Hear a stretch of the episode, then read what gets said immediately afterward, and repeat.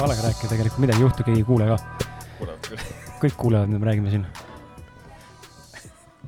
okei okay., juba käime.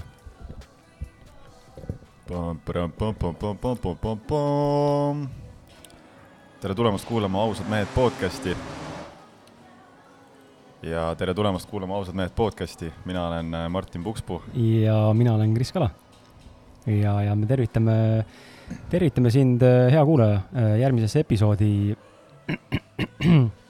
oleme siin natuke sellises eh, teistsuguses keskkonnas täna, kohviku keskkonnas, nimelt popp kohvikus salvestame ja seetõttu siis ka tagataustal väike sihuke mõnus muusika, ma loodan, et kuskilt seetõttu me äh, bänni see saate ka ei saa.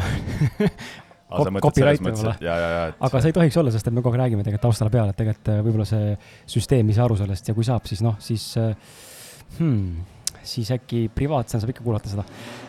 aga ühesõnaga jaa, et sellepärast ongi vahepeal mingi taustas muusika, taustas mingisugused mikseri asja helid, et äh, mingi hetk on seda vähem, mingi hetk on rohkem, sõltub sellest, kui palju on kliente poes või kohvikus. aga asume uusmaailmas, kohvik, kohvik popp, nagu ma juba ütlesin ja, ja kui sa oled minu, minu meie pikaajaline kuulaja, siis sa tegelikult juba tead, et ma olen varem ka rääkinud sellest kohvikust ja korduvalt teinud pilte sotsiaalmeedias sellest rääkinud ka ja räägin seda uuesti, sellepärast et see on fantastiline koht, kuhu sööma tulla. nii äh, segatoidulistele kui siis ka taimetoitlastele leiab menüüst suurepärase toiduga valikuid ja, ja, ja siin on nagu reaalselt läbimõeldud asjad, et äh, kõik asjad on paigas, tundub vähemalt silmaga vaadates ja ja siin korduvalt süües, et kõhu saab täis ja makrod, mikrod on paigas ja süskarit, vasva, valku kõike saad, et äh, ma arvan, et väga igati okk koht ja, ja kui tuled siia, siis äh, makstes siis makstes ole hea, ütle kindlasti sõna ausad, siis saad miinus kümme protsenti, selline on meil diil.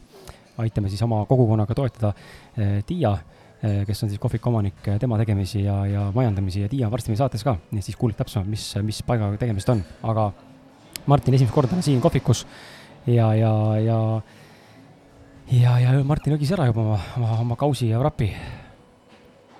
no väga maitsev oli, et, et väga positiivne kogemus ja, ja tõesti väga hästi ja läbimõeldud kokku pandud toidud, noh, kuigi ma proovisin ainult kahte, eks ju, ma proovisin seda, seda nii-öelda vegan äh, fake, fake kana kaussi ja, ja siis äh, vööner, vegan vööner äh, wrap'i. et mõlemad tõesti väga head ja, ja, ja selline meeldib just see, et on olemas nii proteiin kui ka siis, eks ju, süsivesikuallikas riisi näol näiteks või quinoa näol ja, ja proteiin siis, eks ju, selle äh, soja, Soja sojamass, millest on siis tehtud see vööner või siis see kana. Ja siis on mõnusalt äh, juures ka mingit värsket, on ju, et siin neid äh, idusid ja, Mm -hmm. ja, ja, ja, ja siin salatit, et, et väga, väga super. ma ei tea, kas äh, kuulaja üldse, kes meid ammu juba esimestest saadet, saadet, saadetest alates on kuulanud, saab vist aru tegelikult, et et täna on eriline saade, sest Martin on külas ja üle pika aja on nii-öelda duosaade, sest et uue saatejuhi Eliise Lombiga ma ei olegi kordagi ühtegi duot teinud, Eliise ei ole huvitatud vist olnud. pole kuidagi aeg klappima saanud ja pole mingi teemasid olnud eriti, millest rääkida pole omavahel. aga, meeldivad need äh, helid, vahepeal taustal on, mingi hobune huilgaks kuskil. aga Martin on täna meil siin ja, ja, ja mm, ma ei tea, kurat, see on äge, äge, äge moment see on äge moment ja selline loomulik tunne on, ütleks, ma ütleks niimoodi. uutele kuulajatele peaks ütlema tegelikult seda, et kui sa ei ole varasemaid episoode kuulanud ähm, ja oled liitunud alles see hetkest, kui ma olin üksinda või Liise Lomp on nüüd kõrval, siis Martin on tegelikult üks nendest äh, eestvedajatest, kes minuga esimesed äh, peaaegu et sada kolmkümmend, sada kakskümmend episoodi kaasas käis siin teekonnal ja osa nagu võttis sellest, tegelikult selle brändile aluse, aluse vundamendi koos minuga on pannud, nii et äh, tegelikult on nagu nii-öelda, kuidas öelda siis, poja on koja, koju jõudnud tagasi. just. aga jah äh,, istusime Krisiga siia maha ja, ja alguses pidime lihtsalt kokku saama, aga siis äh, ma nagu pakkusin välja, et äkki võiks podcast'i ka teha. Niimoodi poolkõvalt pakkusin välja ja Kris kohe haaras nagu ideel sarvist, et davai, et äh, võtab, võtab äh, mikrid kaasa ja, ja. tegelikult ma ütlesin alguses sulle, ei tee ju, et äh, me korra arutasime, siis mõtlesime, et tegelikult ei tee, et võib-olla läheb kiireks ja kuidagi ei saanud aru, mismoodi me teeme seda, aga siis mul tekkis endal mõte päev hiljem, et aga pohhui, me tuleme seda sööma, onju, okei, me söömist küll ei salvestanud praegu, me proovisime küll, aga selleks oli lihtsalt maksimaalselt rõve olnud, lehma mälumine matsumine. Martin proovis ja see nägi päris kole välja, et sa oleksid kindlasti kuulajana väga närvi läinud esimese viie minutiga. aga, aga pärast tuligi see mõte, et äh, davai, et üksteisega eriti juttu ei räägi, tuleme, paneme käima mikri ja siis äh, nagu vestleks omavahel seal laua ääres kohtudes, aga laseme teil siis kuulata, millest me räägime ka, et siis tekib, teeme niisuguse spontaanse, mis iganes siit tulla tahab, duo. meie viimane duo, Martin, oli, ma ei mäleta enam, millal see oli. ma korra vaatan, sa võid nii kaua midagi siia juttu rääkida juurde. no ma arvan, et see oli suvel vist või? ma arvan, et see viimane duo äkki oligi siis, kui enne seda, kui ma siis jõudsin enda sees selle selguse ja selle otsuseni, et äh, mul on ikkagist aeg siit nagu nii-öelda sellelt äh, sinu kõrvalt sellelt äh, eestvedaja positsioonilt nagu välja astuda ja, ja, ja lasta sul toimetada omas ambitsioonis ja omas hoos nagu edasi. kaheksa kuud tagasi. kaheksa kuud tagasi, see saade on sada, hashtag sada kaheksa, teraapiline duosaade ja Martinit rohkem sellest hetkest ei olnudki no meil olid need, äh, kus me olime neljakesi, vaata mm.. seal ma olin mingis saates veel ah,. ausad naiste oma ja., jah, nende avapaugu saade nii-öelda. jah mm. -hmm. aga jah, palju, palju on toimunud tegelikult vahepeal, et, äh, et. millest selline..., millest me alustame, Martin? sa olid äh, Soomes vahepeal? ma olin Soomes jaa, sest noh, sellest ma juba vist rääkisin ka või mm? -hmm. ma, ma, ma ütlesin. ma ei mäleta ka, aga põgusalt võime uuesti rääkida, mis vahel toimunud on no toimuski see, et ma ju käisin äh, reisil Aasias e, eelmine talv, neli kuud. Läksime äh, oktoobri lõpus, tulime tagasi märtsi lõpus e,. ei, märtsi alguses tulime tagasi. ja siis äh, me elasime ajutiselt äh, Anja vanemate korteris ja ma hakkasin jälle trenne andma, tahtsin nagu nii-öelda jätkata sealt, kus mul pooleli jäi elu. aga siis tuli meie tore sõber koroona meie tore sõber koroona rikkus plaanid ära. ja siis äh, ma mõtlesin, et äh, no mis nüüd teha ja läksin äh, siis kasvuse juurde Soome tööle ehitama lagesid ja saunasid. ja vahepeal siin oli igasuguseid seiklusi veel, et sai siin jälle Anjaga meie klassikalist suhtedraamat jätkatud kokku-lahku sai vahepeal nauditud seda ehitamist sai võetud omale pähe, et ma olen mingi kaks aastat seal Soomes ja ajan äh, pappi kokku äh,. mis kõik siis äh, lõppes sellega, et ehitus muutus väga vastumeelseks elu andis mulle igati märku, et ma ei ole mõeldud lihtsalt kuskil ehitama ja raha kokku ajama. ja, ja siis ma võtsin nüüd vastu vist kuu aega tagasi Soome tagasi jälle minnes peale Eesti külastamist sain aru, et eh, niimoodi jätkata ei saa, et ma lihtsalt ei ole selline inimene. ma ei suuda end motiveerida tegema midagi, mis mulle teha ei meeldi ja vastumeelselt, et eh, ma, ma leian mingi lahenduse, et sellest olukorrast nagu välja tulla. ja otsustasingi, et ma tulen siis vaikselt Eesti tagasi niimoodi poole kohaga esialgu.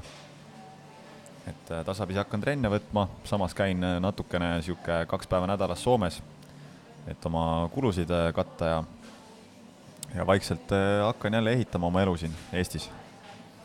ma tahaks kohe küsida, hea kuulaja, et kui sa seda kuulsid praegu, Martin ütles, et ta ei ole võimeline ennast motiveerima tegema midagi, mis tegelikult talle hinges päriselt ei paku nagu seda põnevust ja fulfillment'i ja mul on tegelikult sama lugu, siis äh, kui sa juhuslikult oled üks nendest inimestest, kes on äh, õppinud ära tegema asju, mis sulle tegelikult ei meeldi, aga lihtsalt tegema nui neljaks, siis ma tahaks teada, kuidas sa teed seda, nagu sest et teinekord elus on tõepoolest, on etappe ja on mingeid asju, mida tuleb või noh mida me oleme valinud teha äh, või peame kohustust tegema või oleme ennast mänginud mingisse olukorda, kus meil tuleb seda teha lihtsalt mõnda aega, siis oleks hea teada, mis, mis kuradi läbi valemi või missuguse ussi emmi sa ennast nagu sellesse lainesse nagu viid, et seda ära teha, sest et mina ka sellisel viisil ei funktsioneeri ja ma tõmban nii lukku ära, et mul tekib nagu trots, et võtaks kirve ja lähen raiun lihtsalt, et nagu ma ei suuda lihtsalt, et lihtsalt nii suur tekib sihuke äng ja nagu viha ja trots ja sihuke pahameelsus ja nagu kuidagi ei tule mitte kuidagi toime sellega, et ma pean tegema midagi, mis mulle tegelikult üldse ei meeldi mul on niisugune tunne, et ma muutun nagu teiseks inimeseks, et ma, ma ei tunne ennast enam ära. sihuke, noh, ma mõtlengi nüüd seal enne selle otsuse tegemist, mis tunne mul oli, mis tunne mind nagu valdas tihti näiteks äh, tööl olles või, või mingil hetkel mõeldes oli selline kibestumus ja viha ja äng ja selline tänutundega oli väga raske kontakti saada, et mina tunnen end õnneliku inimesena siis, kui ma tunnen äh, tänutunnet sisimas aga mille vastu see kibestus ja viha tuli, kui sa praegu mõt-, hakkad mõtlema, mille vastu sa seda nagu tundsid või tunned? ma arvan, et iseenda vastu. mitte ma-, mitte maailmaga teiste, vaid iseenda vastu? pigem iseenda vastu, et kuidas ma olen suutnud nüüd mängida end sellisesse olukorda, kus alles ma äh, tegin Eestis päevad läbi neid tegevusi, mis mulle meeldisid. nüüd ma käisin reisil neli kuud, on ju, mis oli nagu täiesti fantastiline. ja nüüd ma olen järsku siis mingis kuradi perses kuskil augus, onju. Ehm, ja, ja ehitan, teen seda, mis, mida, mida, mida ma ei ole mõeldud tegema ja, ja nii halb on olla ja, ja ma tahaks veel rõhutada, et äh, ma ei ütle, et ehitamises midagi halba oleks, lihtsalt mina tundsin, et see ei ole minu jaoks ja et mina raiskan enda elu, tehes seda pikaajaliselt.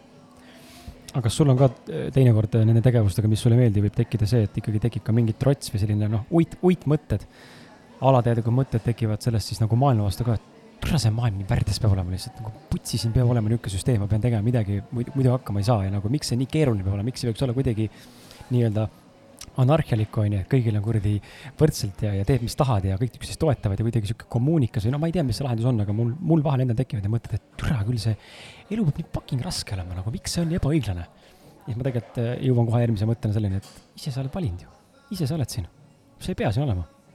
Ja siis ongi see tunne, et aga türa, ma ei oska ju parem valida täna kuidas ma teen selle parema valiku siis? raha on vaja ju, mis ma siis teen, noh?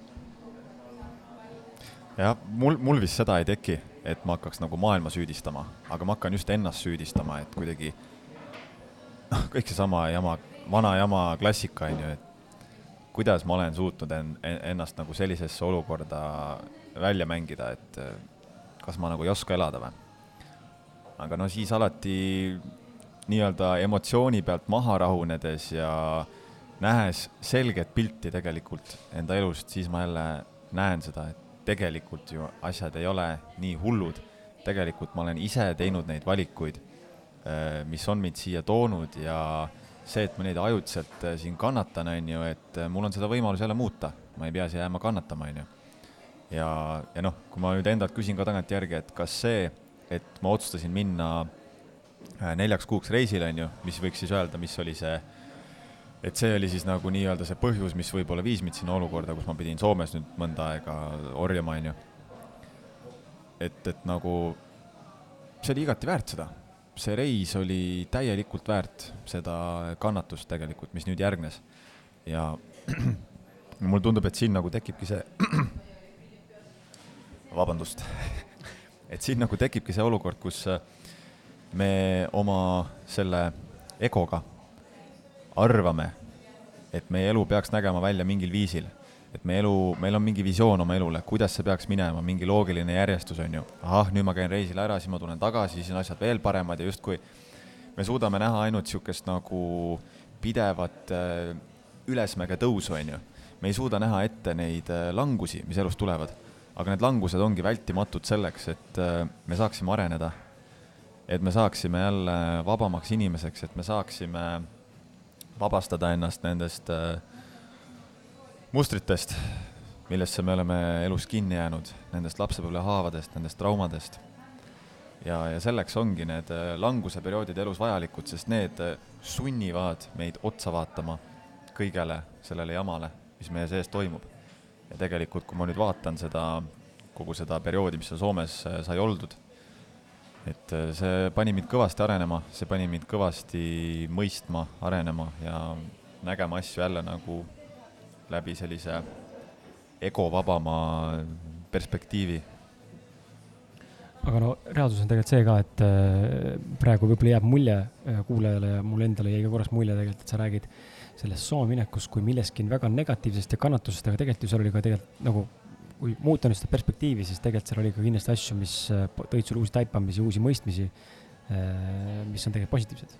just seda ma ütlesingi. just, nagu sa peabki nägema nagu seda vanat poolt, et äh, inimesed tihtipeale ise ka teinekord samamoodi ei, ei oskagi kohe näha seda, aga, aga teinekord nagu tulevikust minevikku pilguheitud teha, siis on nagu lihtsam märgata asju, miks mingi asi juhtus või miks ma kellegagi kohtusin, just rääkisin Martinile siin enne saatesalvestust, miks ma noh, eile kohtusin ühe Eesti podcasteriga, kes on ka üsnagi tuntud podcast'i äh, eestvedaja ja juht.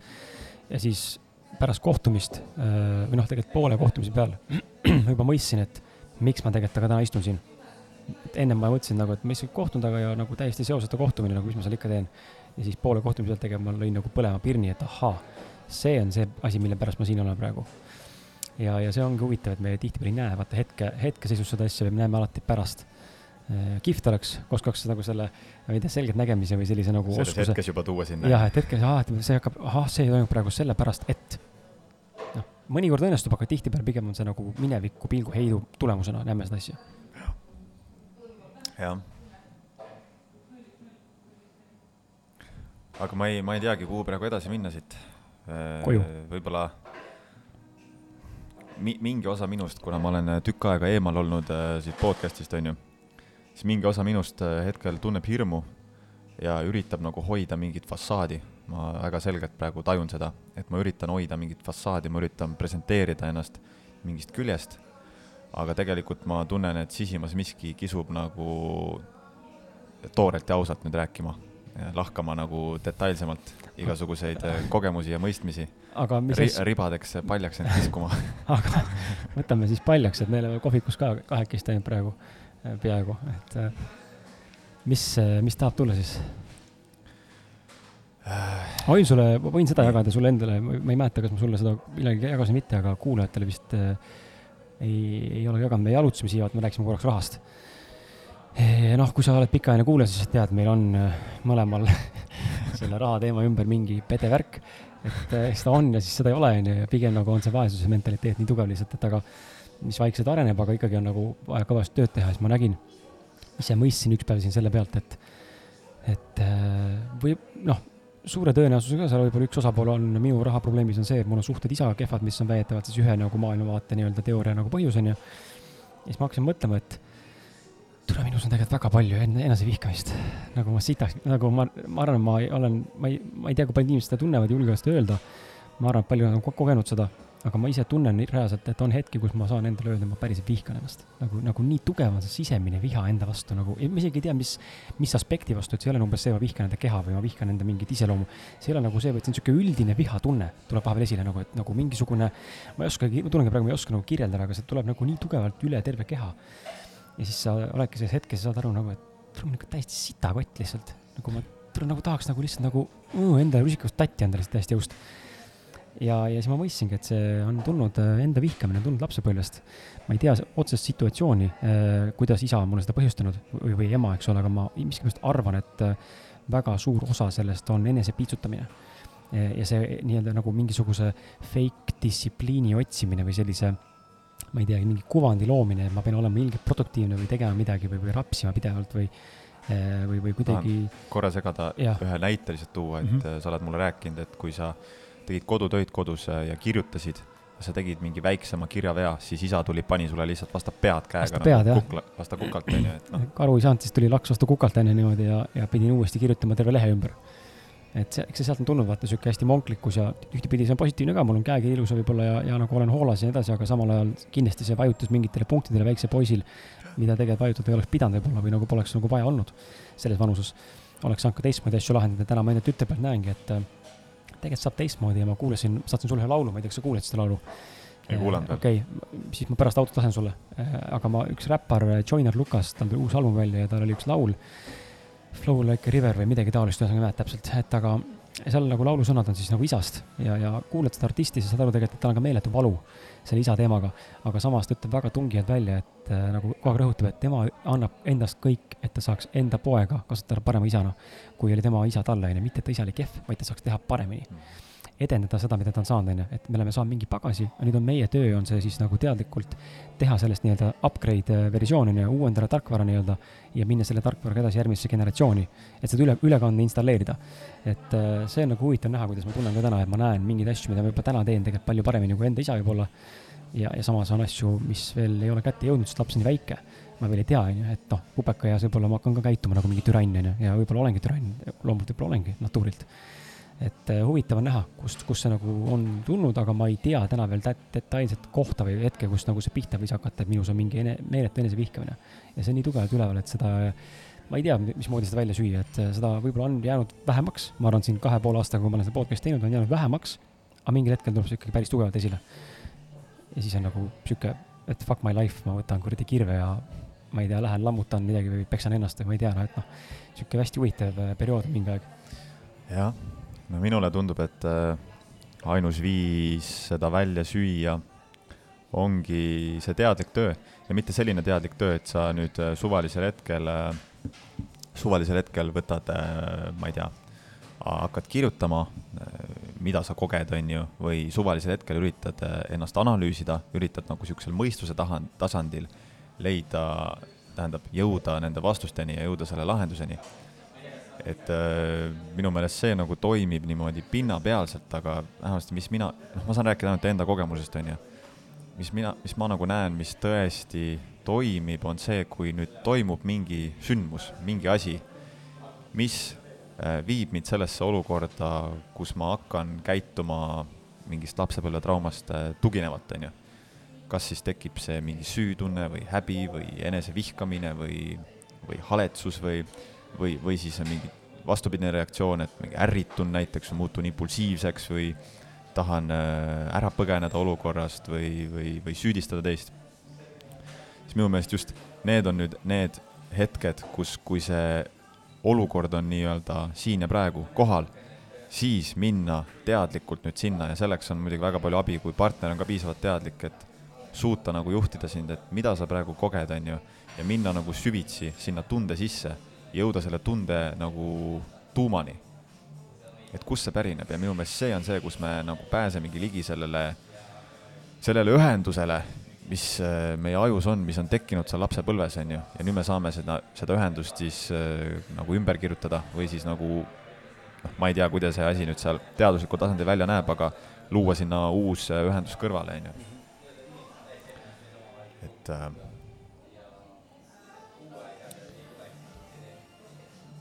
jah. Ja,, teinekord lihtsalt on see, et ma üritasin nagu mõelda, et eks, eks sihukeseid asju on endal olnud ka ja, ja, ja mul tihtipeale tekivadki need mul tihtipeale tekivadki sellised noh, mina tunnen vähem inimesena, seda ma tean täna, seda ma näen, ma olen vähem tundlikum, ma olen pigem äh, rohkem mõistuse perspektiivist, aga samal ajal äh, ma näen, et minu see mõistuse perspektiivist, kas siis podcast'is sellest nii-öelda rändimine või nagu rääkimine või päevikuse kirjutamine, on see, mis viib mind selle tunde sagedusele ja nagu tundmisele.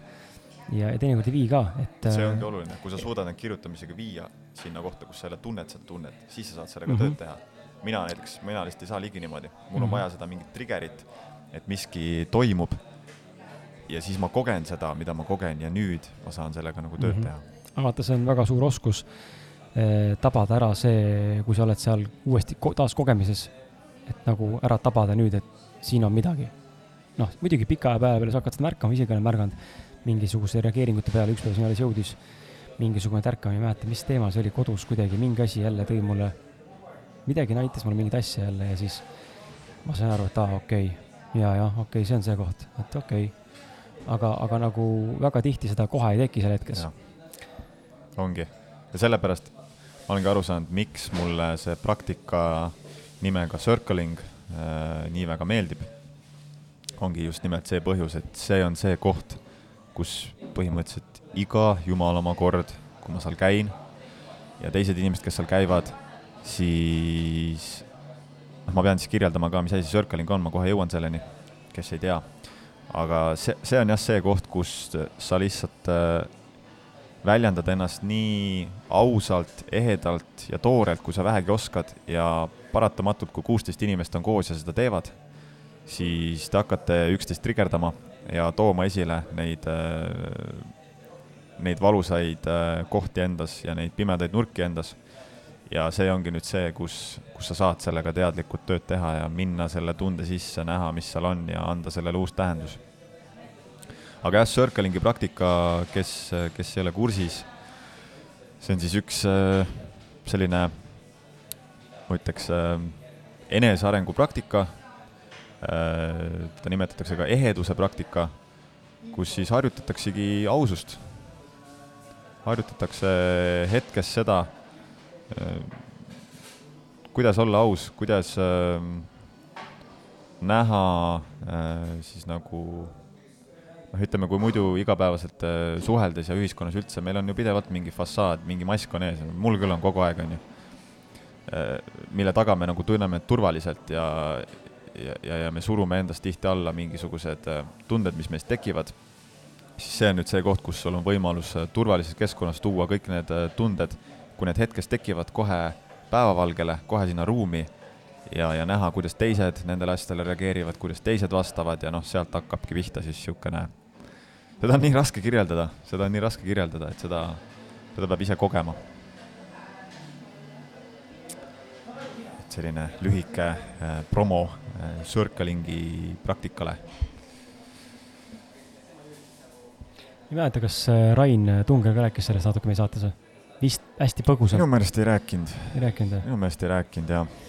okei okay,, mul on nagu millalgi meeles nagu paari lausega ikka oli. okei okay., ja Rain Tungerit sai mainitud juba, siis äh, siis jaa, äh, Rain Tunger on, äh, kui sa guugeldad, mitte guugeldad, vaid otsid äh, vastava podcast'i aplikatsiooni otsingu menüüst, kirjutad ausad mehed, ausad mehed ja Rain Tunger, siis saate numbrit praegu ei mäleta kahjuks, aga, aga siis sa leiad selle saate üles, et kui ta nimi läbi käis juba, siis mine kuula ka, et oli hea saade tegelikult.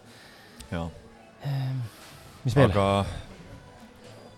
jah, ma tahtsingi tuua ühe lihtsa näit-, näite siia lihtsalt, et kui näiteks ma olen olnud sinu juures külas, on ju, seal Väätsal ja on olnud mingeid äh, hetki, kus näiteks sa oled ärritunud äh, Eliise peale, on ju, oma elukaaslase peale, siis minu meelest just need ongi need hetked, kus nagu nüüd, kui see viha on, on ju nii-öelda present, koged seda viha, siis nüüd nagu minna sinna, et oot, aga mida ma tegelikult tunnen, mis selle taga on, miks ma praegu ärritusin Eliise peale, mis, mis mu praegu vajadus on, mis, ja nagu niimoodi hakata seda sellel hetk, selles hetkes, kui sa oled vihane, lahti arutama. ja siis ongi minu jaoks vähemasti need on nagu need kõige transformeerivamad kogemused. jah ja., seal jah, nagu jah, seal ongi lihtsalt teinekord raske äh, nagu on, on. aru saada sellest, et mik-, noh, sa saad ju aru, et sa oled ärritunud. aga sa ei lähe nagu sellega edasi, et, et hakata küsima endale, miks ma olen ärritunud. see tundub sa, nii reaalne, nii õigustatud. jaa, et nagu see on mingi situatsioon ja, ja ma reageerin situatsioonile, et aga tegelikult ju ei pea, isegi ei peaks reageerima tegelikult aga huvitav, kui, huvitav, kui ei reageeri, kas siis äh,, siis võib ikka tekkida mõistmine. Selles mõttes ikkagi mul ju peas võib ikkagi tekkida, tähendab, et mul võib tekkida see tunne, ma tahan reageerida, aga ma ei reageeri, aga minus käis ära see trigger tegelikult, aga no, ma ei see, näidanud trigger'it välja, aga nüüd ma saan ikkagi tegeleda sellega. sellisel hetkel, see ongi see hetk, kus sinus see teadlikkus on nii tugev, et sa jõudsid ennem selle Enne teadlikkusega juba mm -hmm. läbi lõigata selle, selle automaatse reaktsiooni. mul on lapsega seda päris palju, ma ei mäleta, kellega ma rääkisin sellest praegu tahab äh, täitsa hullumaja. Timo, Timo Porval käis saates meil, temaga rääkisime sellest äh,, sellest samast asjast, et Timo ütles ka, et tal on muidu nagu ülirahulik vend. aga vot ta poeg on see, kes suudab lihtsalt niimoodi vajutada, et nagu ebareaalne, lihtsalt nagu nii närvi ajab lihtsalt. ja mul on nagu sama lapsega, et seda nagu kahju natuke öelda ja natuke valus nagu öelda, võib-olla kõlab ka selliselt umbes, et ma nagu vihkan oma last, mitte seda, lihtsalt mul on oma tütar see, kes suudab mulle lihtsalt no niimoodi lihtsalt kurat sekundiga lihtsalt viia niimoodi välja endast mitte, et midagi valesti teeks, vaid lihtsalt tema käitumine peegeldab mulle midagi minus enda sees, mingi pask on, mis tahab üles tulla ja tema trigerdab selle. ja nüüd ma olen õppinud nagu jälgima seda, kui ma mingit, tahab mingi reaktsioon tulla, siis ma olen näinud paar korda niimoodi, et ma juba nagu enam ei reageeri, vaid tuleb see, tuleb see nagu ma tunnen nagu, et tahtis tulla, aga ma nagu saan aru, et ma ei pea reageerima sellele, et nagu rahu, rahu, rahu, see läheb üle, läheb üle ja siis tegelikult, kui suudad ise rahuks jääda, siis tegelikult nagu kui ma, kui ma ei reageeri, ei reageeri, siis see lähebki nagu suhteliselt kergelt nagu üle mm. -hmm. aga nii kui ma annan nagu voli sellel asjal üle võtta ennast emotsioonil või tundel, mis tuleb, ja siis on perses, siis, siis sa, siis ma lahatan ja lapsele sitast ei ütle, aga ma käitun nagu hästi nõmedalt oma elukaaslasega. sa oled passiivselt agressiivne siis? passiivselt agressiivne ja, ja elukaaslase vastu vastik. muutun hästi kurvaks, kinniseks, sulgen ennast ära, ei taha rääkida, nähvan ma ei tea, olen kuidagi trotsiden, hakkan nilbed nalju tegema, hakkan kuidagi nagu no hästi naljakalt hakkan käituma ja siis, ja ma õnneks ma saan sellest asjast niimoodi aru, seda ma olen õppinud siin aastatega, et ma suudan nendest asjadest välja tulla suht kiiresti, ma näen, ma hakkan etendama mingit solvunud rolli, siis ma tegelikult küsin endale, et oota, aga miks ma nagu, miks ma pea ju mängima solvunud praegu, nagu mis nali see on, vanasti nagu jäid nii kinni vaata sellesse, et ma olen nüüd solvunud, oli kolm päeva solvunud onju, et vaadake, ma olen solvunud. ja enne üldse välja tulge, keegi küsib, mis su viga on. et aga täna ei pea isegi keegi küsima, mis su viga on, vaid ma ise tulen välja sellest et saangi aru, et okei okay,, ma saan ju niimoodi sama kiiresti lõpetada selle solvunud äh, kehastuse praegu mängimise, sest et ma ei pea tegelikult mängima seda. aga see mask nagu tuleb nii tugevalt peale, vaata, jääb nagu kinni meisse nagu kuradi kleeplindiga. hästi huvitav, et äh, ma ei tea, kas sa oled, ma arvan, et sa oled äh, kuulaja, seda ka kogenud kindlasti. ma arvan, me kõik kogeme seda igapäevaselt, lihtsalt küsimus ongi, kas me teadvustame endale neid hetki ja, ja kuidas nendega toime tuleme ma saan, mis ma tahan nagu siinkohal öelda, ma tahan väga reklaamida siinkohal või noh, isegi reklaamimine on õige sõna, aga äh, kutsuda sind äh, minuga vestlusele siia podcast'i, sest et see on see, mida ma täna pakun. Äh, ma ei saa garanteerida sulle lahendusi ja ma olen seda asja üles ehitanud ka selliselt, et ma ei ma ei lubagi mingit lahendust ega muutust, aga siit võib tulla teise inimesega vesteldes, mina kui põhivõõras sulle, on ju, võib tulla teine, teinekord väga palju taipamisi ja mingisuguseid lihtsalt niisuguseid filosofeerivaid mõtteid, mis aitavad viia sind äh, ma ei tea, mingisse mälestusse või, või kuhu iganes veel, et ma olen siin päris paljude inimestega suhelnud, nüüd teinud sessioone. Ja ossoh. oot-oot, vabandust. Hmm.. et olen teinud sessioone ja ja, ja, ja on väga palju välja tulnud, üks, mitmel inimesel on tulnud välja see, et äh, koolikiusamisest, kooliajast on mingid, mingid taagad kaasas, nagu mingid, mingid pseudoolukorrad, aga nagu mingi sihuke pask lihtsalt, et vähe ei ole ja, ja siis ongi see, et äh, kui sul on huvi, siis kirjuta mulle, et ma teen niisuguseid tunniseid äh, podcast'i sessioone, kus sa tuled mulle podcast'i ja oled nii-öelda külaline, mina küsin küsimusi ja mõtestan midagi vahepeal kaasa, aga sina põhimõtteliselt räägid. saad ennast tühjaks valada nii-öelda ja, ja see aitab nagu eneseteadlikkust tõsta, sest sa õpid ennast kuulama, kahes osas kuulama, pärast saad selle kuulamise endale koju kaasa, see on üks kuulamine ja teine on otse laivis, kui sa räägid, sul klapid peas. sa kuuled oma häält hoopis teist, teistmoodi, kui sa tegelikult räägid ilma klappideta, see on nagu mingi fenomen. ja ma kunagi uurisin, minu arust seal on isegi mingi teaduslik asi juures, et äh, see hääl, mida sa kuuled praegu Martin klappidest, on tegelikult su päris hääl, kuidas teised kuulevad sind. aga see, kuidas sa kuuled ennast ilma klappideta mm, -hmm. ei ole tegelikult see sinu päris hääl, vaid see on kuidagi, aju filtreerib või ta kuidagi nagu see lainetus tuleb sulle teistsuguse häälena kohale. sellepärast ongi meil see tunne, kui me vaatame endast mingist videost, kuuleme ennast rääkimas, siis ütleme ka, et issand, mul on sihuke hääl või. sest sa pole kuulnud oma seda nii-öelda nagu päris häält, mida, mismoodi teised sind kuulevad ja, ja teistpidi siis äh, muutub äh, eneseväljendus tohutult, et äh, ma arvan, üks podcast'i suurimat võludest on see, et su eneseväljendus paraneb nagu noh, drastiliselt, ma arvan, et ühe-kahe episoodiga kindlasti.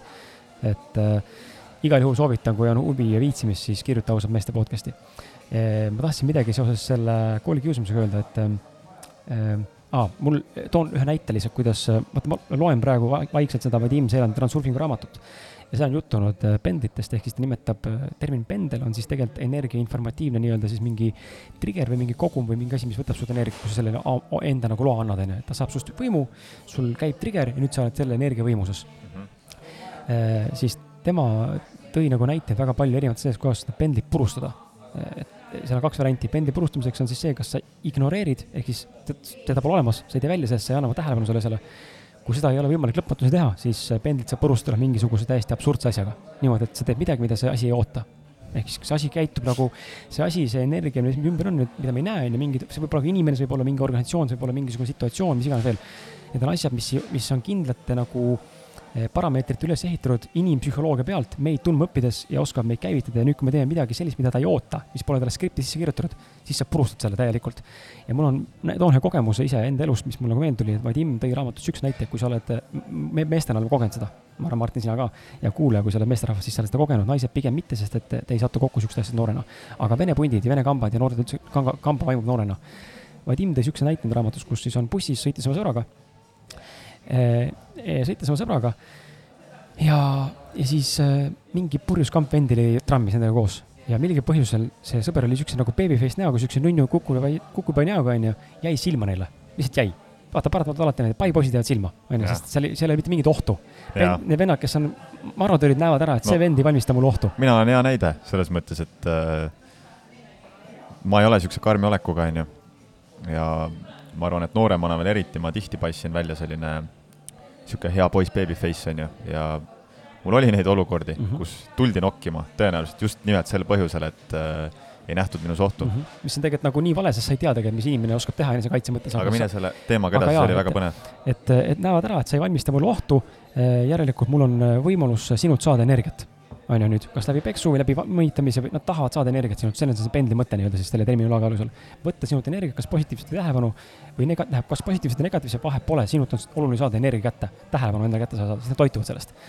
et see kutt oli vait nii kaua, kuni suutis, need vennad olid juba lähedal, mõnitasid, nokkisid ja tegid seal mingeid tögamisi, tõmbasid riietest juba, onju. ja siis äh, kutt hakkas välja minema rammis koos selle, selle autori Vadimiga, siis mingi vend äh, seisis ette ja hakkas nagu enam-vähem nagu lööma ja, ja mis see sõber siis tegi, sõber pani täiega luuki, kohe, laksust. ja need vennad jooksid trammist välja kõik. seesama, see on seesama mentaliteet, et kui sa, kui kamba pealik saab lõuga, ülejäänud jooksevad minema, sest et mitte keegi ei oota, et sihuke asi juhtub, sest tavaliselt kamba võim annab kõigile lõuga ja ta on kõige kõvem vend mm. -hmm. ja tavaliselt pekstakse korraga, onju. või, või on teine variant, kuidas äh, mul sõber, sõber rääkis, ma jõuan kohe enda näiteni ka, aga sõber rääkis sihukest asja ka, kuidas ta, talle taheti lõuga anda noorena. Eh, põhimõtteliselt hakkas peksa saama niimoodi, võeti kinni eh, ja enam-vähem hakkas rusikas juba tulema. ja siis ta ütles siukse lause, et ära mu näkku löö, ma, ma kardan kõdi persest ja siis see vend nagu tardus ja hakkas naerma, ütles mida vittu, sa ütlesid, ütlesid, sa ära löö näkku, ma kardan perses kõdi. nagu nii nagu sürvata, nagu, nagu nii nagu no, null, null nagu loogikat. aga, aga lõi inimese errorisse, et ei tahtnud enam lüüa sind. ja minul oli sihuke situatsioon paar aastat tagasi, kui ma töötasin ühes äh, spordipoes. kaks sõpra, kellega ma koos töötasin, kolleegid siis, äh, no normaalsed sõbrad selles mõttes, äh, norisid mind kogu aeg nagu nimepidi. Kristoomus, Christopher, Krist-, Kristmas, mis iganes veel, Kris ei öelnud kunagi onju millegipärast, mingist perioodist. ja alguses ma nagu võtin välja sellest, ma olin nagu poogen ma ei reageerinud sellele, siis ma lõpuks mingi ütlesin, ma ei soovi enam, palun ärge kutsuge, mul on oma nimi ka, onju, seda ei kotinud keegi, iga päev lihtsalt kaks nädalat umbes kestis see periood. vajutati mulle Christmas, Christmas, Christopher, Christopher, Christopher. no lõpuks käib pinda lihtsalt. ja siis ma mäletan, me lõpuks olime tagaruumis ja nad on must ikkagi suuremad kotid, pikemad ja nagu jõusaali vennad, siuksed suured vennad. ja, ja mul läksin nii närvi, ma ütlesin, et saate aru, et türa, nüüd on kõik. ma annan teile mõlemale fucking kohe lõugu, kui te vait ei jää, mul on pohhu, ma lähen kasvõi pea verisena ust välja, aga te saate lõugu siinsamas praegu. vennad tõmbasid niimoodi kuule, chill. me tegime ainult nalja, nagu päriselt, ma ütlesin, türa, see ei ole naljakas. nagu mida vittu, kaua see kestab? ma annan sulle fucking lõuga praegu, pohhui. ja siis kõik, kõik, rohkem ei olnud seda. ehk siis seda ma näen, mis selle nagu pendite puhul on hästi huvitav raamatus, kus see kirjeldab, ongi seesama asi, mis noh, see trigger, et me kas õpime neid asju märkama või me ei tee nendest välja või me nii-öelda siis suudame selle, selle struktuuri nagu purustada ettearvamatu käitumise või ettearvamatu mingi lausetega. et teinekord on sama, kui näiteks naine läheb närvi, onju, mhm. siis selle asemel minna temaga kaasa sa lähed ja kallistad näiteks. ta hui ootab seda, ta ootab seda, et sa plahvatad ja hakkad seal loopima asju, hakkad sõimama, lähed kallistad ja siis on kõik, kõik, väga suur tõenäosus, see probleem on lahendatud. ta rahuneb maha. aga väga raske on teha seda tol hetkel. jaa, täpselt ja ma olen äh, mulle väga meeldis see sinu kirjeldus selle, just selle Vadim Seelandi siis nagu kirjelduse ja lähenemise põhjal, et äh, jah, see on äh, täpselt, täpselt see, mida mina, mina sõnastaks selliselt, et kui mingi trigger sinu elus toimub, on ju, mingisugune tüüpolukord, mingisugune tüüpmuster äh, käivitub, siis kui sul on see teadlikkus, et äh, käituda äh, või mõelda sel hetkel mingit mõtet, mis on nagu täiesti sellest out of box, out of box on ju, siis see tihti murrabki selle, murrab nagu selle, selle mustri. Ja sa järsku märkad, et vau wow,, tunnen end täiesti teistmoodi. et see on jah nagu äge aga mulle meeldib, et sa tõid sisse, sa tõid enne sisse selle raha teema. Ehm, nüüd mingil määral tõid sisse selle meeste teema ja nagu mehelikkuse teema ja, ja tunnengi, et äh, võib-olla üks nagu suurimaid teemasid, millega ma terve see Soomes oleku aeg olen tegelenud, äh, ongi siis nagu äh, meheks olemine ja, ja enes, eneses mingite pimedate nurkade avastamine mis on just sellega seotud, mis on olnud nagu alla surutud, äh, eitatud eneses, millest ma ei ole aru saanud. et äh, noh, kui minnagi siin nii tooreks ja ausaks, on ju, siis noh, need, kes meid on siin algusest peale kuulanud, need teavad, et minu naine, eks ju, Anja, et mul on temaga olnud selline kokku-lahku, kokku-lahku, kokku-lahku ja mina olen alati algatanud need lahkuminekud, eks ju ja peale reisi, reisil kõik oli super, reisid tagasi tulles oli veel algul super, aga siis läks lihtsalt perse kõik kõik läks perse jälle seoses sellega, et äh, tema tundis äh, kiiremini soovi Eesti tagasi tulla. mina olin omal pähe võtnud, on ju, et oi-oi-oi, ma hakkan nüüd raha kokku ajama siin Soomes. ja tema kolis juba Eesti ära, mina jäin Soome. ja ma olin nii pimestunud oma raha tagamise, raha taga, tagasi tagaajamise soovist, on ju. ja, ja, ja ma lihtsalt, äh, ma nagu täiesti hoolimatult hakkasin käituma tema suhtes ja selline tunne oli, et ta nagu ei mõista ja ei taipa ja ei saa aru ja ma ei märganud üldse, kuidas ma tegelikult üldse ei pööra talle tähelepanu ja ja poen nagu selle taha peitu, et äh, mul on siin raske ja ma pean ikka tööd tegema hommikust õhtuni ja siis peale tööd pean veel äh, Forexit õppima ja, ja, ja sellega tegelema ja, ja trenni tegema ja ja siis oligi see, et asi jõudis jälle sinnamaale, kus ma tundsin, et ma ei suuda enam. jälle tegin oma klassik äh, movie ära, läksime lahku ja, ja läksime väga sõbralikult lahku, väga selliselt äh, armastavalt, üksteist tänades ja nii edasi. aga läks mõni kuu mööda ja jälle, jälle saime aru, et ei, et tegelikult äh, me tahame koos olla. me ei saa minna lahku, me tahame koos olla me armastame üksteist. Äh, ja, ja kõik see niisugune kokku-lahku protsess viis mind siis nüüd äh, lõpuks selleni, et äh, ma sain aru, et äh, see on nagu minu muster tegelikult, see impulsiivne mahajätmine on muster. see on muster ja see on mul ka igal pool teistes eluvaldkondades, see ei ole ainult naistega. ja, ja ma leidsin ka selle juure üles, vähemasti mingi osa sellest juurest. See tuli ka täiesti niimoodi spontaanselt hommikul sitapotil istudes, et. sitapott on kõige parem koht ideede tulemiseks. jaa ja, ja, ja see vist oli nii, et ma ärkasin hommikul üles, ma tundsin ülisitasti nagu emotsionaalselt ülipask oli olla. ja läksin vetsu ja järsku klikkis, et e, mul on sügav solvumine oma ela, ema vastu tegelikult. ja, ja, ja seetõttu siis ka see peegeldubki naiste vastu üleüldiselt.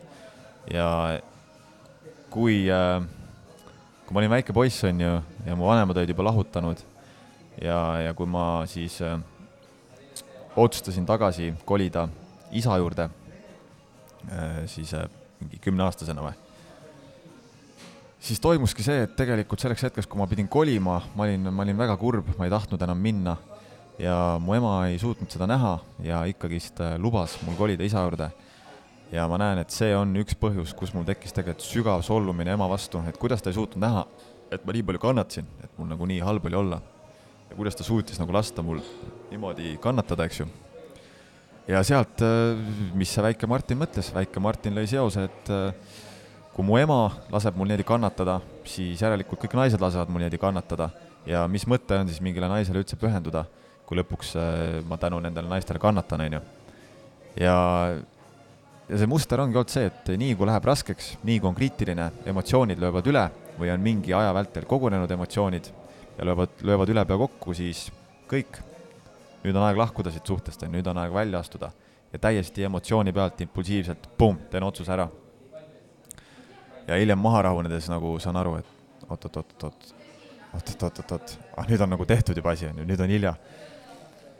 ja, ja, ja nägingi läbi selle, et äh, see ongi mu muster niimoodi maha jätta iga kord, iga kord emotsiooni pealt. ma ei ole ükski kord ainult maha jätnud niimoodi, et ma kainelt, selgelt Äh, mingi aja möödudes jõuan selleni, et ei, ei sobi kokku, see on iga jumala oma kord olnud niimoodi, et on mingi periood, kus meil on rohkem mingit tülitsemist, mingeid konflikte ja siis mingi hetk niimoodi emotsiooni pealt plaks. nüüd on kõik, on ju, nüüd ma pean siit välja astuma. ja selle mõistmine, seda oli nagu nii vabastav mõista, sest et ma saan aru, et äh, see ongi muster lihtsalt, see ongi see katkine muster ja kuidas see mul igal pool mujal eluvaldkondades ka nagu on toimunud ja mõjutanud, kuidas ma jällegist emotsiooni pealt olen teinud mingeid valikuid ja otsuseid, mis võib-olla pärast ei ole olnud kõige paremad. ja, ja no üldse, kogu see aeg, mis ma olen Soomes olnud ja, ja läbi Anjaga, läbi Anjaga siis äh, nende teemade lahendamiste ja läbi peegeldamiste ma olen aru saanud, et ma olen nagu seda mehelikkust mehelikkust üleüldse endas väga palju alla surunud. väga palju seda endas alla surunud, ma olen eitanud endale mingit äh, ma ei tea, võimuiha, ma olen eitanud endale niisugust materiaalsust, ma olen eitanud endale seda, et mulle fucking meeldib raha ja ma tahan teenida raha, ma tahan elada külluses. Ma olen eitanud endale seda, et äh, mind erutab miski tegelikult agre-, agressiivsuse puhul et äh, minus on sitaks seda kuradi agressiivsust ja seda, et tahaks lihtsalt kuradi pekstana, kakelda. ja ma olen seda kõike nii palju endas alla surunud ja ma olen äh, hinna, nagu olnud hinnanguline teiste meeste suhtes eluaeg, kes on niisugused egod, kes on sellised noh, kellel nagu näha, et kõik keerlebki ümber raha, võimu ja seksi, on ju. Ma olen eluaeg neid inimesi, neid mehi vihanud, hukka mõistnud. ja mida see kõik mulle nüüd peegeldab, milleni ma olen lõpuks jõudnud? See lihtsalt peegeldab mulle seda, et ma olen endas eitanud neid külgi kogu aeg, alla surunud räigelt, enda vastu selles mõttes vägivaldne olnud, et mina pean olema see spirituaalne, see, see hea inimene, tegema seda, mis mulle meeldib, ma ei tohi teha midagi lihtsalt raha nimel ja, ja nii edasi, nii edasi, ma pean alati olema chill, ma pean alati reageerima kainelt, mõistlikult. Ja ma saan aru, et täielik bullshit nagu, et pean lubama kogema endal neid asju, ma pean lubama tunda endal, kui ma ei ole seda nagu normaalses arenguetapis puberteedieas lubanud endal tunda, siis ma pean nüüd tagantjärgi lubama endal tunda seda kuradi keppiha. ma pean lubama endal tunda seda, ma ei tea, agressiooni, ma pean lubama endal tunda seda ma tahangi fucking pappi kokku ajada lihtsalt, ma teengi midagi lihtsalt papi pärast, onju. ja seda ongi nii vabastav olnud äh, märgata ja näha endas nagu, et kui palju ma olen tegelikult endas alla surunud. ja nüüd nagu lubada nendel hetkedel sellel tulla pinnale ja väljenduda. samamoodi nagu näha, kuidas äh, ma ei pea igal kriitilisel hetkel tegema mingit otsust, ma võin selle impulsiivsusele lasta üle minna ja näha siis, kuidas ma tunnen selle inimese suhtes, nende olukordade suhtes ja lihtsalt kurat, no hea tunne on saada jälle terviklikumaks inimeseks jah, see impulsiivsus on, ma arvan, meis kõigis sees, et äh, nii vähemal kui rohkem määral, ma ise näen ka seda, me just enne ka Martiniga rääkisime, kui siia kõndisime, siis ma nagu mainisin sama asja, et minu puhul see väljendub lihtsalt selles, et ma küll, ma küll nagu maha ei jäta ja lahku ei lähe, ei ole tegelikult nagu suuremat põhjust, on ju, meil on suhe tegelikult elukaaslasega väga hea täna, see varsti seitse, seitse pool aastat vist järgmisel kuul, aga, aga meil on see intiimsuse teema õhus siiamaani ja, ja see vahepeal käivitab mind ja on käivitanud viimase ajal neid mõtteid, aga tule lähme laiali siis. Et enam ei jaksa nagu äh,, aga tegelikult need ei ole nagu, noh, need ei ole nagu tegelikult päriselt need mõtted, vaid see on lihtsalt mingisugune impulsiivne äh, signaal või mingi otsus või, nagu mingi tunne, mis tahab tulla, et aga enam, vot enam ei viitsi, kuigi tegelikult noh, see ei ole nagu õige. ja tegelikult ei ole üldse asi nii hull ehm,. aga ma, mul, mul ei tule jah seda nagu käitumist, ma päriselt teeksin seda. et see on nagu mõte korra, mida ma võib-olla välja ütlen, mida tema ka välja ütleb, et davai siis no lõpetame ära, teeme siin seda lolli mängime. aga tegelikult mitte kumbki ei mõtle seda. et need on lihtsalt mingid emotsionaalsed väljaütlemised, mis loomulikult teinekord ma arvan, mitte vähem, vähem, noh vähem teadlikema inimeste seas kõlab see valesti, nagu ma oleks ilgelt teadlik, aga inimesed, kes on vähem teadlikumad, võib-olla teinekord äh, selliste emotsionaalsete väljaütlemiste peale tegelikult lähevadki laiali. väga tihti niimoodi, keegi ütleb emotsionaalselt midagi ja siis teine partner ei suuda andestada, sest see tuli emotsiooni pealt. aga me peame aru saama, et äh, paratamatult lihtsalt äh, noh, see on nagu vabanduseks ju, et paratamatult me oleme emotsionaalsed vahepeal, aga, aga see on ka reaalsus, et me ei, ei võt-, me ei oskagi võtta vastutust selle ees, et me võib-olla ei peaks emotsionaalselt mitte reageerima ega käivituma, aga samal ajal see on ok et me oleme emotsionaalsed ja neid asju ikkagi tuleb ette vahepeal ja tuleb, nagu aru saada sellest ka, et see, see ongi nagu paratamatu mingil määral. noh, see kõlab vabandusena, aga nii, lihtsalt paraku, paraku nii on, et ei suuda alati ennast kontrollida, et äh, see on niisugune huvitav jah, huvitav äh, olukord, et ma ei tea, kui palju sina, kuulaja, oled äh, selles situatsioonis olnud, kus sa oled emotsionaalne ja ja siis sellest tulenevalt ka mitte ainult ei mõtle, vaid ka käitud, et ähm, oleks huvitav teada, et sa võid julged jagada, et te siin ikka avalikult, mitte avalikult, vaid aktiivselt jagate enda kogemusi mulle siia, et hea meelega kuulaks, et äh, pange aga teile mingi mõte, kui tekivad. jah. midagi ma, midagi ma tahtsin, äh, millegil ma tahtsin sabast haarata, aga kuidagi kadus, kadus nagu hetkeks ära.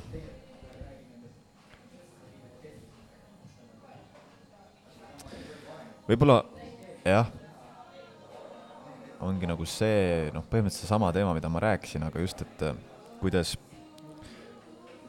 noh, kui lapsepõlv on olnud niisugune, nagu on olnud, on ju, minu puhul näiteks, sinu puhul, kus me oleme pidanud äh, kujundama igasuguseid äh, äh, nii-öelda kaitsemustreid või nagu käitumismustreid, läbi mille me saame armastust, aga mis tegelikult ei ole meile loomulikud, ei ole autentsed, ei ole naturaalsed. kui ma pean ühe näite tooma, siis äh, näide on see, et äh, olla hea inimene, hea mees, hea poiss äh,, olla inimestele meele järgi, mitte luua konflikti.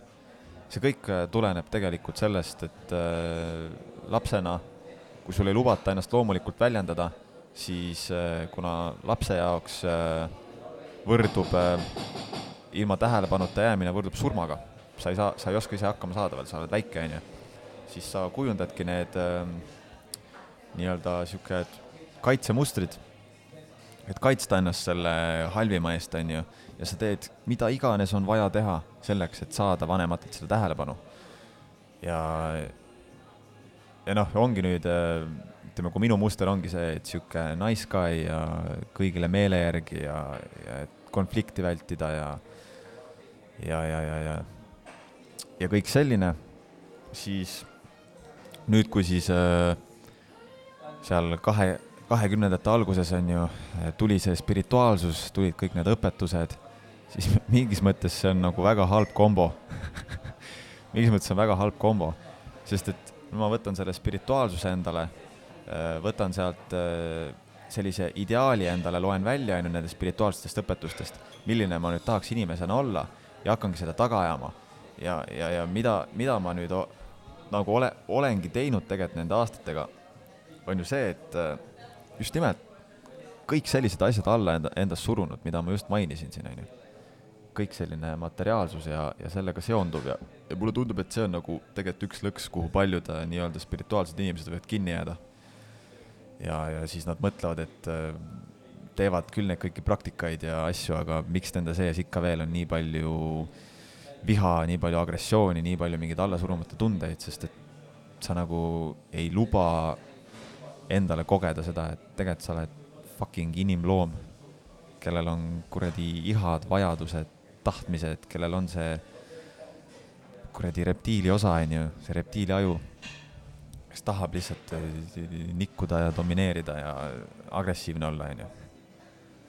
et äh, mitte, mitte nüüd jah, et, äh, et tuleks minna sinna teise äärmusesse ja muutuda mingiks sihukeseks meheks, on ju, aga, aga lihtsalt nagu tuua sealt pimedatest nurkadest päevavalgele ka need aspektid endast ja lubada neil mingitel viisidel nagu avalduda ja endas need teemad äh, läbi töötada. see tähelepanu, tähelepanu otsimisega tuleb äh, kaks lugu meelde, üks on see, mida Ats Loot rääkis meile siin saates mm,. saate nime ei mäleta, sorry, äh, aga Ats Loot rääkis sellist, tõi see nagu näite söögi najal, et kui laps, väike laps tahab süüa saada, siis siis tal see tahtejõud ja, ja järjepidevus on nii suur et ta röögib senikaua, kui saab emalt selle tissi kätte, tal on nagu pohhu, isa on terve päev olnud tööl ja väsinud, tahab puhata, tahab vaikust, tal on ükskõik sellest, et tema tahab saada süüa, tal on savi. ta karjub nii kaua, kui saab. Ja mul on sama näide kodust võtta, mitte küll söögi najal, aga tähelepanu najal, kuidas laps. Teinekord ema tähelepanu saamiseks, ta teeb ikka igasuguseid asju ja ta ei jäta enne, kui ta on saanud selle tähelepanu. Ja need tähelepanuvajaduse nagu soovi nagu avaldamised lähevad eiramise eh, korral üha nagu levelite poolest kogu aeg ülespoole, üha jaburamaks. hakkab sellest ja hüüab emmet näiteks onju, kui me vestleme oma elukaaslasega või, või, või, või midagi ütleb ja tahab, me reageeriksime sellele, kordaks seda sõna või ütleks talle, mis see sõna on. täna ta räägib päris palju juba, tegelikult saab kõigest aru, mis on hämmastav, ta on kaheaastane. noh, võib-olla ei ole hämmastav, aga mulle on hämmastav, mul on lapsi varem olnud.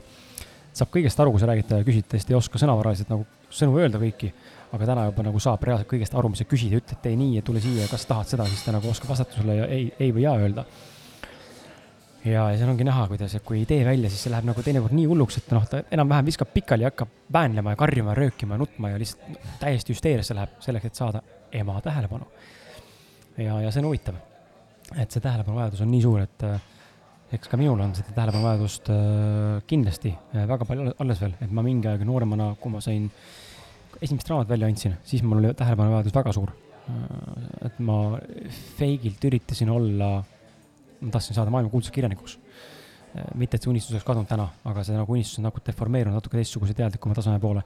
ja siis noorena ma mäletan, et hästi, hästi oluline olla pildis kogu aeg ja täna ma näen, et et nagu see on endiselt alles, aga see, see pildis olemise ja tähelepanu vajaduse soov ei ole nagu enam nii väga nagu tähelepanu keskne, vaid ta pigem ähm,, pigem ma näen seda asja selliselt, et mm, ta nagu aitab mingit teekonda võib-olla nagu manada, et kui me räägime täna siin, noh, ma saan rääkida ainult sellest podcast'i najalt, aga ma ehitan mingit brändi, siis see teadlikkus, eh, teadlikkuse levitamine sellest, mida ma teen ja kuidas ma teen või miks, kes ma nagu nii-öelda sel, sel tasandil täna tiitliga olen, siis see on see koht, kus tähelepanu mingil määral on nagu ok, aga seda ei saa ka nagu üle võime, üle võimendada selles mõttes, et äh, aga ma näiteks täna tunnen, et mul seda tähelepanu vajadust on palju vähemaks jäänud ja ma pigem, pigem tunnen, et siin viimase võib-olla kolme-nelja aastaga on tekkinud selline arusaamine ja selline sügav soov pigem mingi hetk jääda nagu täielikult äh, taustale niimoodi, et noh, kui peaks saavutama, oletame, toon siis näite, mida ma mõtlen seal, kui peaks saavutama sellise staadiumi, kus ma olen nagu a la Tanel Padar on ju, väga kuulus inimene, siis ma ei lähe mitte kuskile rääkima, midagi tegema, ma ei taha mitte midagi, ma tahaks lihtsalt minna oma koopasse ja ja teha oma asja, mis iganes ma siis sel hetkel teen, olla perega ja, ja seda ma näen üha rohkem, et ma olen õppinud siin viimase paari kuuga lapsega olema äh, hetkes niimoodi, et ma nagu päriselt olen ainult, ainult talle olemas, mitte midagi muud ei ole, et see on päris huvitav, noh, enne ma olin niimoodi, et ma olin temaga, aga mõtted käisid muude asjadel. ja ma nägin, et meie suhe oli seepärast natuke kehvem, sest et tegelikult tundis, et ma ei panusta sada protsenti, ma ei ole kohal, nüüd ma on see, ma võtan, annan elukaaslase aega, võtan lapse, sõidan autoga minema, lähme mänguväljakule kiikuma, liugu laskma ja siis ka poodi võib-olla ja tripime ringi mööda seal kohalikke kohti ja ja oleme kolm tundi nüüd rahulikult ära niimoodi, et äh, tal emmet ei ole vaja mingit hakka nõudma. Tahab tissi saada nii-öelda onju, et aga, aga üldiselt nagu ma näen, kui palju kvaliteetsemaks on muutunud suhe, laps on palju rohkem minu külge nagu klammerdunud näitab palju rohkem armastust välja. et äh, seda on küll põnev märgata, kuidas äh,, kuidas kohalolek äh,, hetkes olemine päriselt on nagu, muudab kvaliteeti nii suhetes kui tegemises palju nagu paremaks, et sina seda vist ei ole kuulnud, aga võib-olla kuulaja juba on kuulnud ka seda, et kui ma seda ausate meeste raamatut, mis varsti tuleb välja, kokku panin siis üks õhtu oli mul vaja läbi töötada seda nelikümmend A4 materjali nagu välja sorteerida, hommikuks oli vaja. Mõtlesin, et see on täitsa perses, no ongi perses, ma ei tee seda ära, keegi teine ka ei tee. mida vittu noh. ja võtsin lahti siis selle Toggle'i, mida Timo soovitas, Togle, togle.com, see on siis produktiivsuse äpp, eestlaste poolt leiutatud, hästi lihtne, paned käima ja siis saad teha mingeid asju, et ei pane stoppi, näed, palju sul kulus aega. tõmbasin seda nelikümmend A4 läbi äh, öösel, kui laps magas ja naine oli ka oma asju toimetas. Äh, full fookus, ainult see asi, läks neli tundi ja ma tegin kõik ära, mida ma oleks teinud võib-olla nädal aega jupiti, sest pole muidu aega. ehk siis ma nägin tegelikult, kui oluline on produktiivsus, keskel kohandunud, noh, kohal olemine ja ühele asjale keskendumine ja täiega selle power'iga tegemine ühe jutiga, saad tegelikult väga palju asju tehtud tegelikult. jah, ma olen täitsa nõus. ma ise näen äh, viimasel ajal, kuidas ma, mu tähelepanu ja fookus on kohati nii kehva ja ja suur asi, mis seda mõjutab, on äh, see nut-, nutitelefon. Et see, see on lihtsalt uskumatu, kui kavalalt see asi on loodud, kui läbimõeldult on kõik need äh, algoritmid äh, nendes äppides, on ju, Instagramis, Facebookis, Youtube'is, kuidas sulle tuuakse pidevalt seda infot, mida noh, nii-öelda nähakse ju, igast sinu tegevust jääb jälg maha ja, ja, ja söödetakse sulle ette seda mida sa võiksid, mille vastu sa võiksid huvi tunda ja, ja ma tihti märkan seda, kuidas ma näiteks võtan oma poolteist tundi, et äh, tegeleda Forexiga äh,, testida seal strateegiat või, või õppida, kuidas mingi hetk äh, märkan, et tähelepanu läheb ajuma, tahaks võtta Instagrami lahti jälle, tahaks minna scroll ima, tahaks mingit paljaste naiste kanne minna vahtima, on ju. või, või tahaks mingit Youtube'i videot minna vaatama. ja see on jah, see on nagu julm ma olen ühes äh, meestegrupis ka, äh, kus siis äh, selle grupi eesmärk on distsipliin, distsipliini arendamine. ja me anname iga kuu, anname seal siis üksteise ees vandeid. et a la, et see kuu ma pean tegema iganädalaselt seda, igapäevaselt seda, noh, näide, iga päev pean kakskümmend minutit mediteerima, iga päev kümme minutit lugema treeningulast kirjandust, iga päev poolteist tundi tegelema Forexiga, õppima või analüüsima turgu, neli korda ennast tegema trenni, noh, mingi niisugune näide, on ju. ja nüüd ma olen kohustatud, kui ma need vanded olen andnud, ma olen kohustatud järgmised neli nädalat neist vannetest kinni pidama. ja kui ma seda vannet rikun, siis mul on kaks varianti, kas ma mõtlen omale välja karistuse, mille siis teised äh, need nii-öelda orduvennad äh, peavad heaks kiitma või siis ma pean lahkuma äh, sellest ordust. jah, selle asja nimi on raudordu et aga, aga selline jaa, väga äge idee, mis, mille mu sõbrad siis lõid. ja ma olen seal nüüd mitu-mitu-mitu kuud olnud ja, ja märkangi jah, et kui ma vahel teen neid äh, kohustuslikke tegevusi, siis no nii raske on hoida fookust. nii raske on hoida fookust, pidevalt see nutitelefon äh, tõmbab endasse ja ma nüüd mõtlengi, et ma peaks vist omale vandena mõtlema välja mingisuguse piirangu, mingisuguse nutipiirangu sest et äh, mulle ei meeldi see olukord enam, kuidas see fookus nagu nii kergelt hajuma läheb. Äh, see on huvitav jah, et sul see nii tugevalt on, selles mõttes, et seda nagu näha, äh, mitte üldse halvaga, aga seda nagu näha, et äh, ka siin podcast'i ajal praegu sa vahepeal näpid ja vaatad, võib-olla sa vaatad Anja asju, mis on ka okei okay,, aga ma olen varem ka märganud, et et, et vahepeal, sa oledki vahepeal ta, noh, automaatselt tahad häärata selle telefoni jälle. et ma iseenda panin Instagrami kinni, sellepärast et ma tundsin, et ma ei oska seda kasutada turunduslikus mõttes, mul ei paku see pinget, ma ei näpi seda enam ja, ja pigem, kui ma satun kord seda vaatama, siis mind ajab see feed närvi. ehk siis ta käivitab mind, äh, lihtsalt mis iganes asjad seal tulevad ja seal käivitab järjest ja panin kinni ära ja mul on palju kergem olla, mis ei tähenda, et probleem lahendatud sai, aga ma ei, ei pea keskenduma praegu sellele. ja mul on tohutu palju kergem olla. aga sihuke film soovitan sulle, The Social Dilemma ma hakkasin seda vaatama, ma olen mingi pool ära vaadanud okay,. see on päris haige tegelikult, näitab, kuidas ja. nagu, kui haigelt ongi need asjad nagu tehtud, et et tuleb see tünn-tünn ja sa tahad, sul on kohe impulss minna kohe vaatama, sest et nagu nii tugev on see, et sa tahab üle võtta, see on nagu nii haige tegelikult. ja, ja see, see praegu salvestame siis, ega minu Mac, MacBook Siri eh, kuulab meie vestlust ja, ja ühel hetkel, kui ma võib-olla lähen nüüd internetti, siis ta pakub mulle meie tänase vestluse pealt mingisuguseid sponsorreklaame, sest me oleme rääkinud sellest, mis on haige tegelikult. Nii et natukene on see hirmus tegelikult, kuhu see maailm on liikunud selle koha pealt, et me oleme ikka väga-väga-väga kaugenenud loodusest ja, ja iseendaga olemisest ja vaikuses olemisest ja see nutitelefon on saanud nagu nii, nii nagu normaalseks, et ilma selleta enam ei oskagi elada lihtsalt. jah, see on kurb, ses mõttes, et see on äh, ideaalne, noh, ütleme üldse internet on ju, on ideaalne vahend, kust saada informatsiooni ja kust levitada informatsiooni. aga paraku on jah, see asi keeratud täna meie vastu, kus äh, nagu jah, nagu see Social Dilemma, seesamune dokumentaal räägib, on ju, et äh, võideldakse meie tähelepanu eest. kõiksugused äh, äpid võitlevadki meie tähelepanu eest ja nad teevad kõike selleks, et saada rohkem meie tähelepanu ja läbi meie tähelepanu nad teenivad raha. Kui Boost Yourselfi äh, nullis.ee kuttide kooliti- äh,, Boost Yourselfi Sveni Teedu koolitusel nullis.ee koolitusel käisin, siis nad ütlesid ka, et täna inimene scroll ib päevas umbes mis ta ütles seal, mingi sada kilomeetrit näpuga ekraani niimoodi e,. nagu mingi ulme, no mis oli võib-olla nädalas, mingi, mingi, mingi ulmearv oli ja, ja püüa nüüd seal inimestele silma jääda, kõik võitlevad tähelepanu nimel, kes saab selle kliki sealt feed'ilt ära. muidu sa vaatad korra niimoodi, lähed edasi vaata, aga mingi asi peatab ja sa klikkad ja lähed edasi sealt, ehk siis seda feed'i on nii palju ja üritatakse kõikvõimalik viisidega tähelepanu saada. ja, ja see on nagu haige märgata seda ja kuidas see eh, nii hulluks on see läinud, et mul tegelikult oli mingi mõte veel, mingi mõte oli veel seoses selle, selle feed'iga aga, aga mul ei tule praegu enam meelde, ju siis ei olnud oluline. et, et jaa, vot. Jah.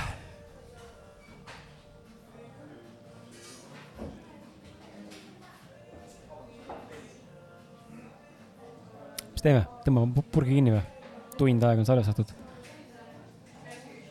tundub jah, et hetkel kuidagi ei keri nagu rohkem, ei hakka... teki mingit inspiratsiooni, ei teki mingit äh, loomulikku sellist. ärme siis hakka forsseerima ega sundima. jah ja. sulle jäävad siis lõpusõnad Nostal-, nostalgia raames ei, väga äge on äh, selles mõttes nagu tagasi olla, et jälle siin mikri taga ja, ja ennast äh, väljendada ja ma tunnen, et see sellisel viisil eneseväljendamine tegelikult pakub mulle väga palju ja, ja ma kindlasti tahan seda teha, et me siin olemegi Krisiga rääkinud, et mingi kord kuus võiks ju ikka teha mingi duosaate, et, et või tuled mõne külalisega kaassaatejuhiks? Jah, jah, ka seda võib vahel muidugi teha, sest selles mõttes, et see ongi see, millest me alati tegelikult rääkisime, et äh, mulle väga meeldib see saadete salvestamine ja vestlemine ja, ja inimeste kohta teada saamine ja enda mõtete jagamine. aga jah, meil Krisiga lihtsalt lõidki nagu selles osas äh, nii-öelda lahku see mm, eesmärk nii-öelda lõi lahku, et kui minu soov oligi alati lihtsalt end väljendada, siis Krisil olid on ju palju suuremad ideed ja mul ei olnud mõtet tema teel ees seista, et et aga jah, see, et tihedamini jälle saates kohal käia, see on igal juhul miski, mis mulle väga meeldib, et et, et, et, et jaa, ja väga tore, et kuulasite meid. Ja hea, kui saite siit omale mingeid uusi mõtteid ja perspektiive. ja tulge kindlasti popkohvikusse sööma, et siin on tõesti väga mõnus vibe ja, ja sõbralikud ägedad teenindajad ja, ja head toidud ja ja kui te Circlingi praktika kohta soovite rohkem infot, mida ma vahepeal mainisin, siis äh, vaadake Facebookist selline grupp nagu Circling Eesti. Circling siis äh, nagu circling, ingliskeelne sõna on ju C-I-R-C-L-I-N-G. ja, ja saate liituda selle grupiga, seal on siis info uute ringide kohta, et äh, tulge proovige ära keegi ei käsa teil seal ennast hullult avada, et võite lihtsalt äh, istuda äh,, vaadelda, jälgida, mis toimub. Ja jah. mul ei ole rohkem miskit öelda. Olge mõnusad ja jälle kuulmiseni